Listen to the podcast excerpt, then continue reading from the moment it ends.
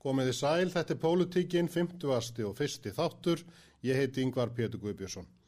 Við sem búum á Íslandi þekkjum það þegar náttúran minnir á sig. Náttúruvá er hugtak sem við erum farin að heyra í auknumæli og það eru vísar um að margt sé að breytast í náttúrunni. Árið 2019 upplifiðu við óvenju erfiðan illviðra desember. Óveðrið sem gekk yfir síðari hluta ársins 2019 var ekki það eina það árið. Seks sinnum þann vetur var líst yfir rauðri veðurviðvörun og 224 appelsínugulum eða gulum viðvörunum frá 1. desember til 20. februar. Snjóflóð fjallu á Flateri og í Súandafyrði, ramagn fór af Húsavík og Víðar og raforku innviðum stóð ógn af veðuráfsanum. Ísing klóst á línur, línur með þeim afleiðingum að þær slittnuðu og staurar brotnuðu. Í desember árið 2020 fjallu örskriður á Seyðisfyrði. Mikla rigningar urðu þess valdandi að skriðurna runnu fram og krafturinn í þeim var svo mikill að hús ripnuðu af grunnum sínum og fluttust langar vegalengdir með skriðunum. Sveitafélagi var rýmt og fólk beðum að gæta varúðar. Óþægilegt þegar náttúran tekur völdin er haft eftir heimamönnum á Seyðisfyrði. Þá standa enni yfir jarðhæringar á Reykjanesi en það er hófust 24. februar á þessu ári. Mikil skjáltavirkni er í námunda við Keili og Fagradalsfjall. Týjir þúsunda skjálta hafa mælst. Búið er að lýsa yfir hættusti í almannavarna og líkur á að eldgórs hefjist aukast.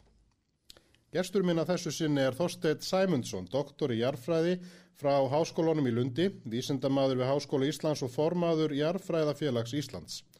Þósteinn hefur lengi synt rannsóknum á sviði jarvísinda, aðalega tengdum ofanflóðum og náttúruvá. Hann hefur viðað að sér yfirgripsmikilli þekking og þessu sviði og við ætlum að eiga samtalum það sem er að gerast. Velkomin Þósteinn. Já, takk. Ef við byrjum svona á byrjuninni fyrir eh, hlustendur og, og áhörfundur sem að kannski er ekki alveg með það á reynu, hvað er náttúruvá svona í stuttumáli? Já, stuttum máli þá er náttúru vá í raun og veru þeir svona þau ferli sem eru í náttúrunni, þessi náttúrulegu ferli, öskriður, járskjaldar, eldgós, eh, sem að koma beint við samfélagið og valda okkur búsifum og tjóni, bæðið efnaðslegu og oft á tíum því miður sem að tjóna á, á, á lífum En sagt, þegar þessi náttúrufræðilegu ferli eru farin að sagt, ógn okkur, þá erum við að tala um vá eða sagt, náttúru vá. Og það er einhverju skilgrinningin á því, en, en síðan eru við þessi náttúrulegu ferli, þau eru svolítið mismunandi. E, við skiptum þeir annars vegar í innræn þætti, e, eins og eldgós og jæskjálta, og síðan svona þessi útrænu þætti, útrænu öll þar sem að sem veðurfar hefur kannski meira og breytingar á því að meira, meira áhrif.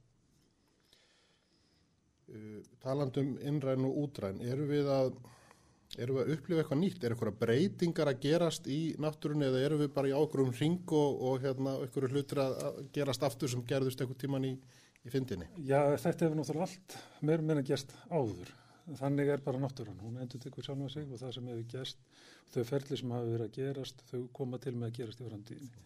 En spurningin er sagt, hversu tíðu eru, uh, hvort að það séu ykkur breytingar á þessum ferlum, hvort að þessu öskruðu virkni til dæmis mun aukast eða snjáflóðum virkni mun aukast og það, það er náttúrulega það sem við erum að skoða. En, en svona þessi stærri ferli til dæmis eins og jarskjálta virkni eins og við erum upplifað núna eða hugsanleg eld gós sem að gætu verið í farvatninu að það, er, það eru hluti sem að gerast reglulega og, og virðist vera mörg af okkar eldstöðu kerfum virðast vera sína svona ákvæmna reglu í því.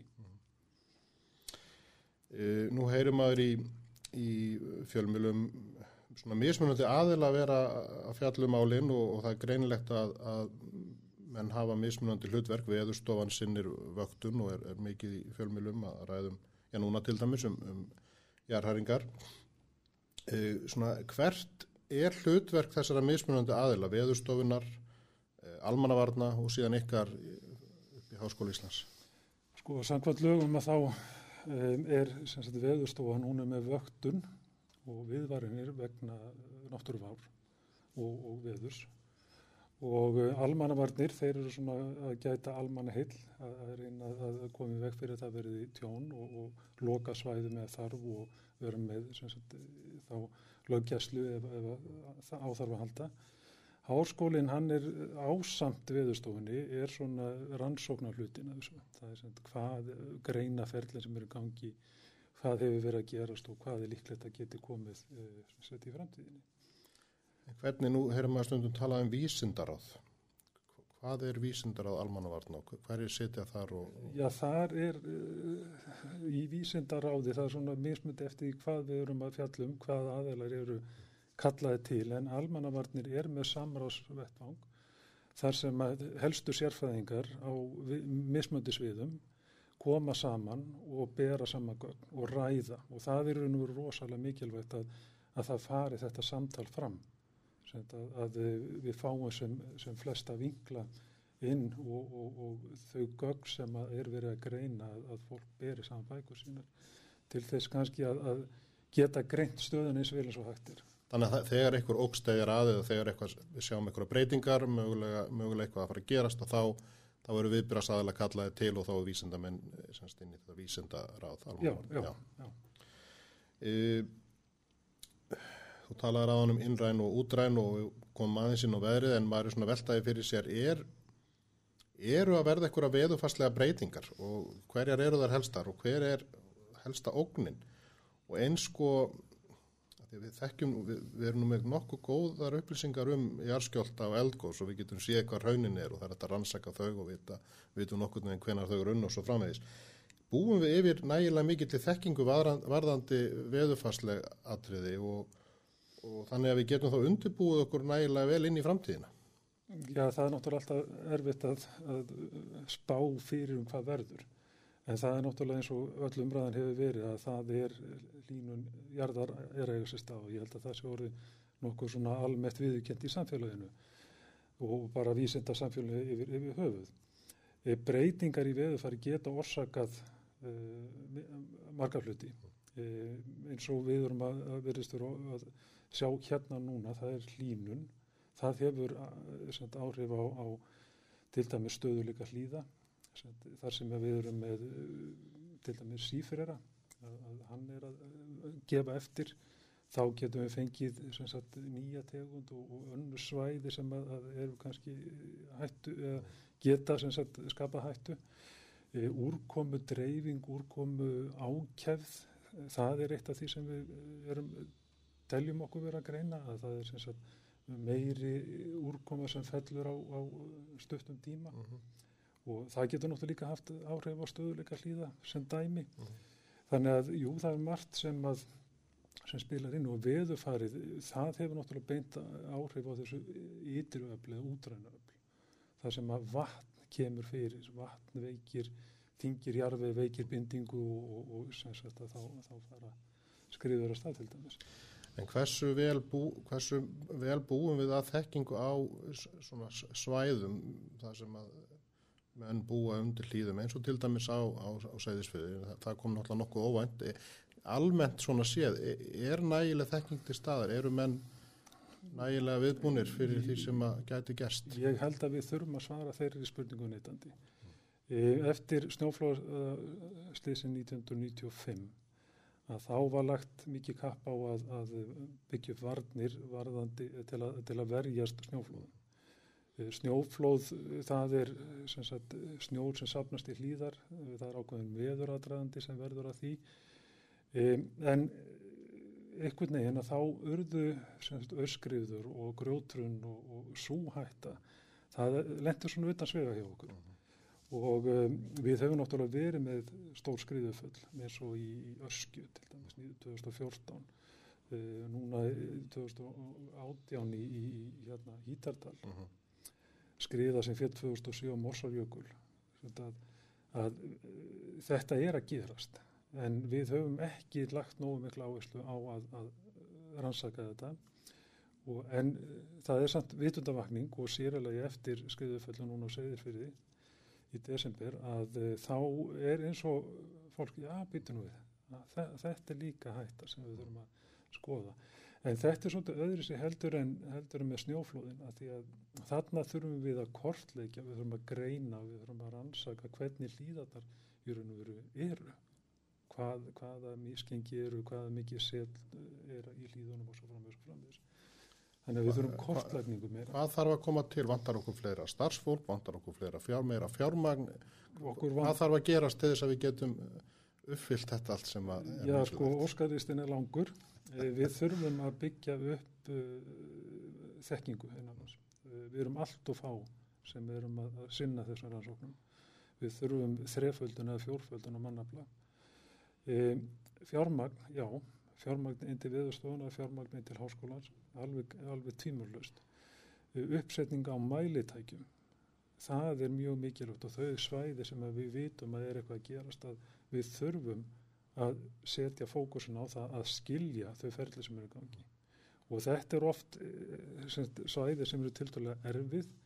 Við þurfum þyrlur til að fara á sömu þessum svæðum og flytja búnað upp og þar hefur landhelgiskeslan verið mjög hjálplega við okkur. Þannig að allt þetta skiptir máli en þetta kostar, þetta kostar tíma og þetta kostar fjármann. Svona, maður leiður hugan að, að því hvernig fólk hérna áður fyrir las í náttúruna. Fyrir hundra árum að þá, þá leitt fólk út á kvöldinu eða mótnana og það kann nokkur með einn spáð fyrir um það hvernig veðrið er, hvort það væri skynsanlegt að fara að slá græs og heia og allt þetta. Og fólk bar virðingu fyrir ymsum hættum. Í dag sjáum við fleiri og fleiri dæmið þess að Íslandingar séu kærulausir og ég nefni Íslandinga því að þeir eiga þekkja landið en ekki ellenduferðarmennir endilega sem kannski veit ekki betur. Far út í ferðarlögu eða koma sér í aðstæður sem hefði mátt forðast eða fólk hefði undirbúið sig að hreinlega lesi veðurspá. Uh, er fólk orðið of kærulaus og treystir þá of mikið á upplýsingar frá uh, til dæmis veðurstofunni? Erum við mannskefnan sem erum vissulega hluta náttúrun, erum við búin að missa getuna til að lesa í umhverju okkar? Ég held að það sé svolítið misjamt. Það er náttúrulega eftir hversu mikið þú ert út í náttúrun en, en það er mjög mikið af fólki sem að jú hefur svona fjarlagst þetta og, og hérna og vissulega menna við erum náttúrulega að fá núna góðar upplýsingar frá veðurstofunni varðandi veður og annað slíkt sem við þurfum náttúrulega að fara eftir en það er alltaf verið einhverju svartur sögðu sem að hlýta eða fylgi ekki þeim. Vegagerðinu náttúrulega orðið mjög öflug með því að loka vegum og, og, og annars lít og það er kannski fyrst og fremst út af ferðamennunum sem að það er. En eh, við höfum svolítið sofið á verðinum varðandi náttúru vá sem slíka og, og ef við skoðum til dæmis eins og staðsetning á, á eldri bondabæjum að þá er það svolítið vel ígrundað hvar voru hættunar veist, en, en við einhvern veginn erum að gleyma okkur svolítið í skipilagsmálunum við erum að höldum bara að, að við getum sigrað allt en, en náttúran, hún eins fallega eins og hún er getur verið eins óblíð þannig að við þurfum að, að skinja þetta miklu betur og þurfum að setja miklu meira áherslu á fræðslu hvað þetta var það bara inn í skóla mm. og, og talunum inn í, inn í, inn í háskóla mm. þar sem að við erum að Við erum að selja landið okkar fyrir ferðamenn. Við erum að taka hérna inn fjöldan allan af ferðamennu sem að við erum kannski að, að smala á staði sem að eru kannski ekki alveg heppilegustur mm. þó þessu fallir. En, en þannig að við þurfum að, að svona aðeins að velta því fyrir okkur.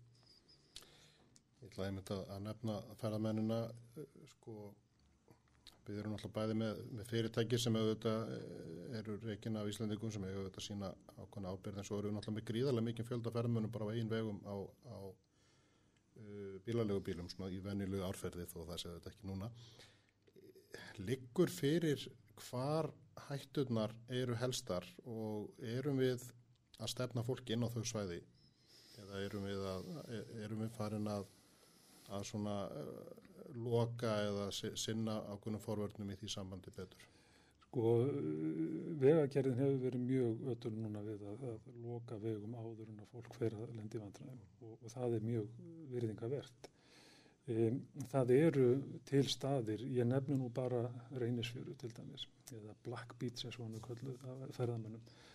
Það er dæmi um gríðalega fallegan stað en uh, það er dæmi líka um kannski óhöppilegan stað til að, að safna þar miklu fólki. Við erum þar bæði með hafölduna sem að, að við þekkjum að hefur því miður hérna tekið nokkuð líf. E, þessi sama hafalda, hún grefur undan hlýðum reynisfjáls mm. og við það verður hlýðin óstöðu. Mm. Það er bara náttúrulegt ferli. E, við erum með hellið þarna sem að, að hefur runnið úr þakkinu og það eru steinar að sinni það niður. Þannig að vissulega er þetta fallegu staður en við þurfum við að, að endilega að vera með fólki alveg undir hlýðinni mm. og inn í hellinum og nálagt sjónum. Getum við ekki stýrt þessu eitthvað á annan hátt?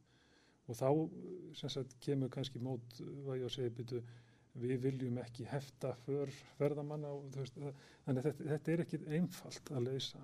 En við þurfum að greina hættuna og við þurfum að vara við hættunni. mm og margi sem að þekkja ekki eh, bara náttúrun yfir höfuð að þeir gera sér enga grein fyrir hvað, hvaða hættur eru til staðar hana. Þannig að við, það, þetta er eh, ábyrð okkar. Þá kannski veltið þessum að leiða maður hugana þess að skipulasmálum að því að það eru þetta þau sem að svolítið stýra bæði uppbyggingu á byggð og eins svona eh, varðandi þessa staði að ykkur leiti. Í og maður svona hugar að ábyrð sveitarstjórnamanna í, í þessu sam, samhengi. Við höfum verið að ræða um flugvöld í kvassarhönni núna í eitthvað tíma. Núna í dag verðist það nú kannski vera frekar galin hugmynd en maður horfir á, á það sem er að gerast á Reykjanesi. Við erum með byggð bókstallega ofan í eldfjöllum. Við erum með byggð undir snarbröttum hlýðum þar sem stórfælt hætta er á ofanflóðum.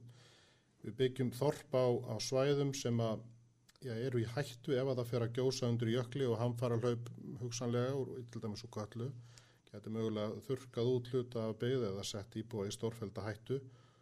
Og svo byggjum við ofan á raunni sem að hafa runnið frá því að við numum land hér þessu, í þessu landi. E, og dæmin eru eflust mun fleiri. Erum við nægilega mikið að taka til, til náttúrunar og þeirrar hættu sem stafa getur á henni þegar við hugum að skipulagsmálum og, og því hvar uppbygginga eiga, eiga sér stað eða eru við, eða vitum við hreinlega ekki nóg um þessar hættur?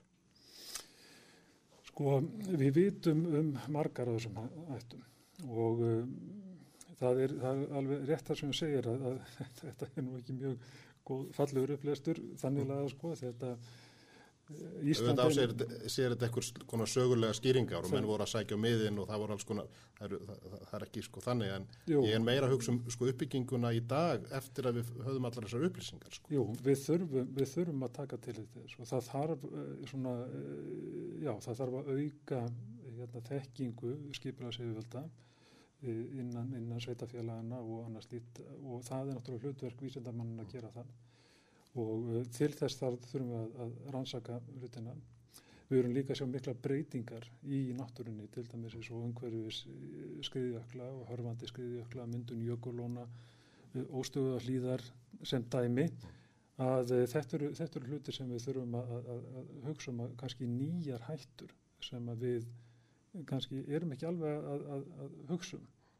En, en vissulega þurfum að búa á þessu landi og, og þú nefnir snarbrættar hlýðar og þú nefnir hérna snjóflóð að uppbygging á mörgum á þessum bæjarfjölum sem að, að okn stendur af þessu e, gerðist á, á til, e, hlýrri tímum mm. heldur en, heldur en síðan komu í, upp úr 1970 mm. að þá voru þessu þorpa byggjast upp og, og snjóflóð voru ekki eins tíð eins og, eins og síðar varð þannig að, að sko, þetta hefur allt sína hérna, orsakir en líka afliðingar og þetta þurfum bara að vinna með en vissulega þurfum við miklu meira að taka til í til og byggja á þeirri þekkingu að, að nota þekkinguna eh, þegar við erum að, að skipulikja. Þá kannski aðeins svona þegar að kemur á því þekkingalegt vöktun almennum undirbúningi, hvernig stöndum við okkur í samanbyrðu önnu lönd og er þetta að gera betur og hvernig getum við gert betur? Eh, við erum fá í stóru landi og mjög virku landi. Við erum eh, svona eiga sem er út í miður Norður Allandsafi sem að ja, náttúrulega gerur okkur hérna, lífið svolítið erfitt stundum. E, en við þurfum vissulega, við þurfum miklu meiri grunnkortalagningu á náttúrulandsins og bara í nefnir sem dæmi við höfum ekki einu svona haldgóð hérna, jarfæðakort á landinu. Um, við þurfum, ef við ætlum að bera okkur saman, til dæmis eins og við norðmenn, þar eru, við náttúrulega vitum að, það, að þar var skelvið slís bara þarna í, í desember með, með kvikleir. Um, þeir taka omanflóð og svona kortlagum mjög alvarlega og þetta mikla peninga í þetta. Og þetta er hlutur sem við þurfum að gera. Við þurfum að setja meiri peninga í vöktun og rannsóknir. Það, ég held að það sé alveg, alveg, alveg ljóst. En, en eins og ég segi, við erum til dælu að fá í stóru landi og erfiðu landi hvað þetta var. Svona kannski að, að lokum að máli málana, uh, margir sem að sofa illa þessa dagana og ekkur eru að hlusta sem hafa lendið því fyrir, fyrir skjáltaverkninni á, á Reykjanesi og maður heyrir vísundamenn að tala um að það séu aukna líkur á góðs hefist, að kvikan sé að nálgast yfirborðið, séu komin bara á eins tvekja kilometra dýpi og, og það sé að sapnastu þrýstingur. Það gauð síðast fyrir um 800 árum síðan á þessu svæði og ég veit að ég er að spurja stórt og þú getur kannski ekki spáð inn í framtíðina af einhverju fullri vissu en, en mér langar samt að nýta þekkinguðin og fá að vita svona hvað gæti verið að fara að gerast á Reykjanesi? Hvað gæti við verið að sjá þar á, næstu, þessu ári, næstu árum, ára tögum jábel? Sko, ég held að það sé nokkuð ljóst uh, það sem við byggjum á, á sögunni að uh, þú nefndi það eru 800 árs að eldvirkni tímabili laug sem á hófstum 800 og laug þarna 1240 uh, átti 400 ára, umlega 400 ára eldgosa tímabil sem að byrjaði östast í, í Bláfjöldunum og á því svæði og síðan varna sig sagt, vestum með skaganum. Mm. Og þetta virðist vera svona, svolítið hérna rithmi í uh, áreikinskaganum. Við erum með þess, þessar 3-4-500 ára gos, uh, gos tímabil mm. Og síðan kannski 6-800 ára gos hlýja en þó með jarskjaldum eins og við náttúrulega þekkjum. Núna virðist vera að það sé að byrja þarna, að byrja með skjáltavirkni sem að menn voru fyrst tengdu við bara landreg en síðan þegar þetta held áfram að þá áttuðum menn sig á því að þarna verður eitthvað meira í gangi og ég held að þessi nokkuð, með sér nokkuð sammálu að, að líkutan á því að við sem að fara inn í þetta gósvirkni tímabil sé, sé aukast og eftir því sem að þessi skjáltaverkni heldur áfram uh, vilja menn meina það að líkurnar á því að eldgósmunni hefjast núna aukist mm. og, og en hversu lengi þetta verður við sáum í sögunni það eru kannski ykkur ára týjist þar sem við erum með eldvirkni og ykkur, ykkur hérna af þessum sex eldstöðu kerfum sem eru á Reykjaneskaðanum og síðan getur komið 100-150 ára góðslið. Mm. Svo tekur þetta sig aftur og gengur svona út, út skagan. Þannig að líkutan á því að við séum að fara inn í þetta er, er að aukast. Mm. Ég held við látum þetta verða loka orðin í þessum 50. og fyrsta þætti af pólitíkinni. Hvað gerist nákamlega á Reykjanesi mun tímin eða í ljós? Eitt er þó víst að við Íslendingar munum áfram þurfa að takast á við náttúru landsins eins og við höfum gert frá því að landbyggðist og þá er gott að eiga upplugt vísendafólk og viðbræðsaðila. Ég þakka þér þástuð fyrir að koma í þáttinn og gefa okkur einsýn inn í þessi mál. Ykkur sem hlustið og horfið þakka ég samfélgina. Lífið heil.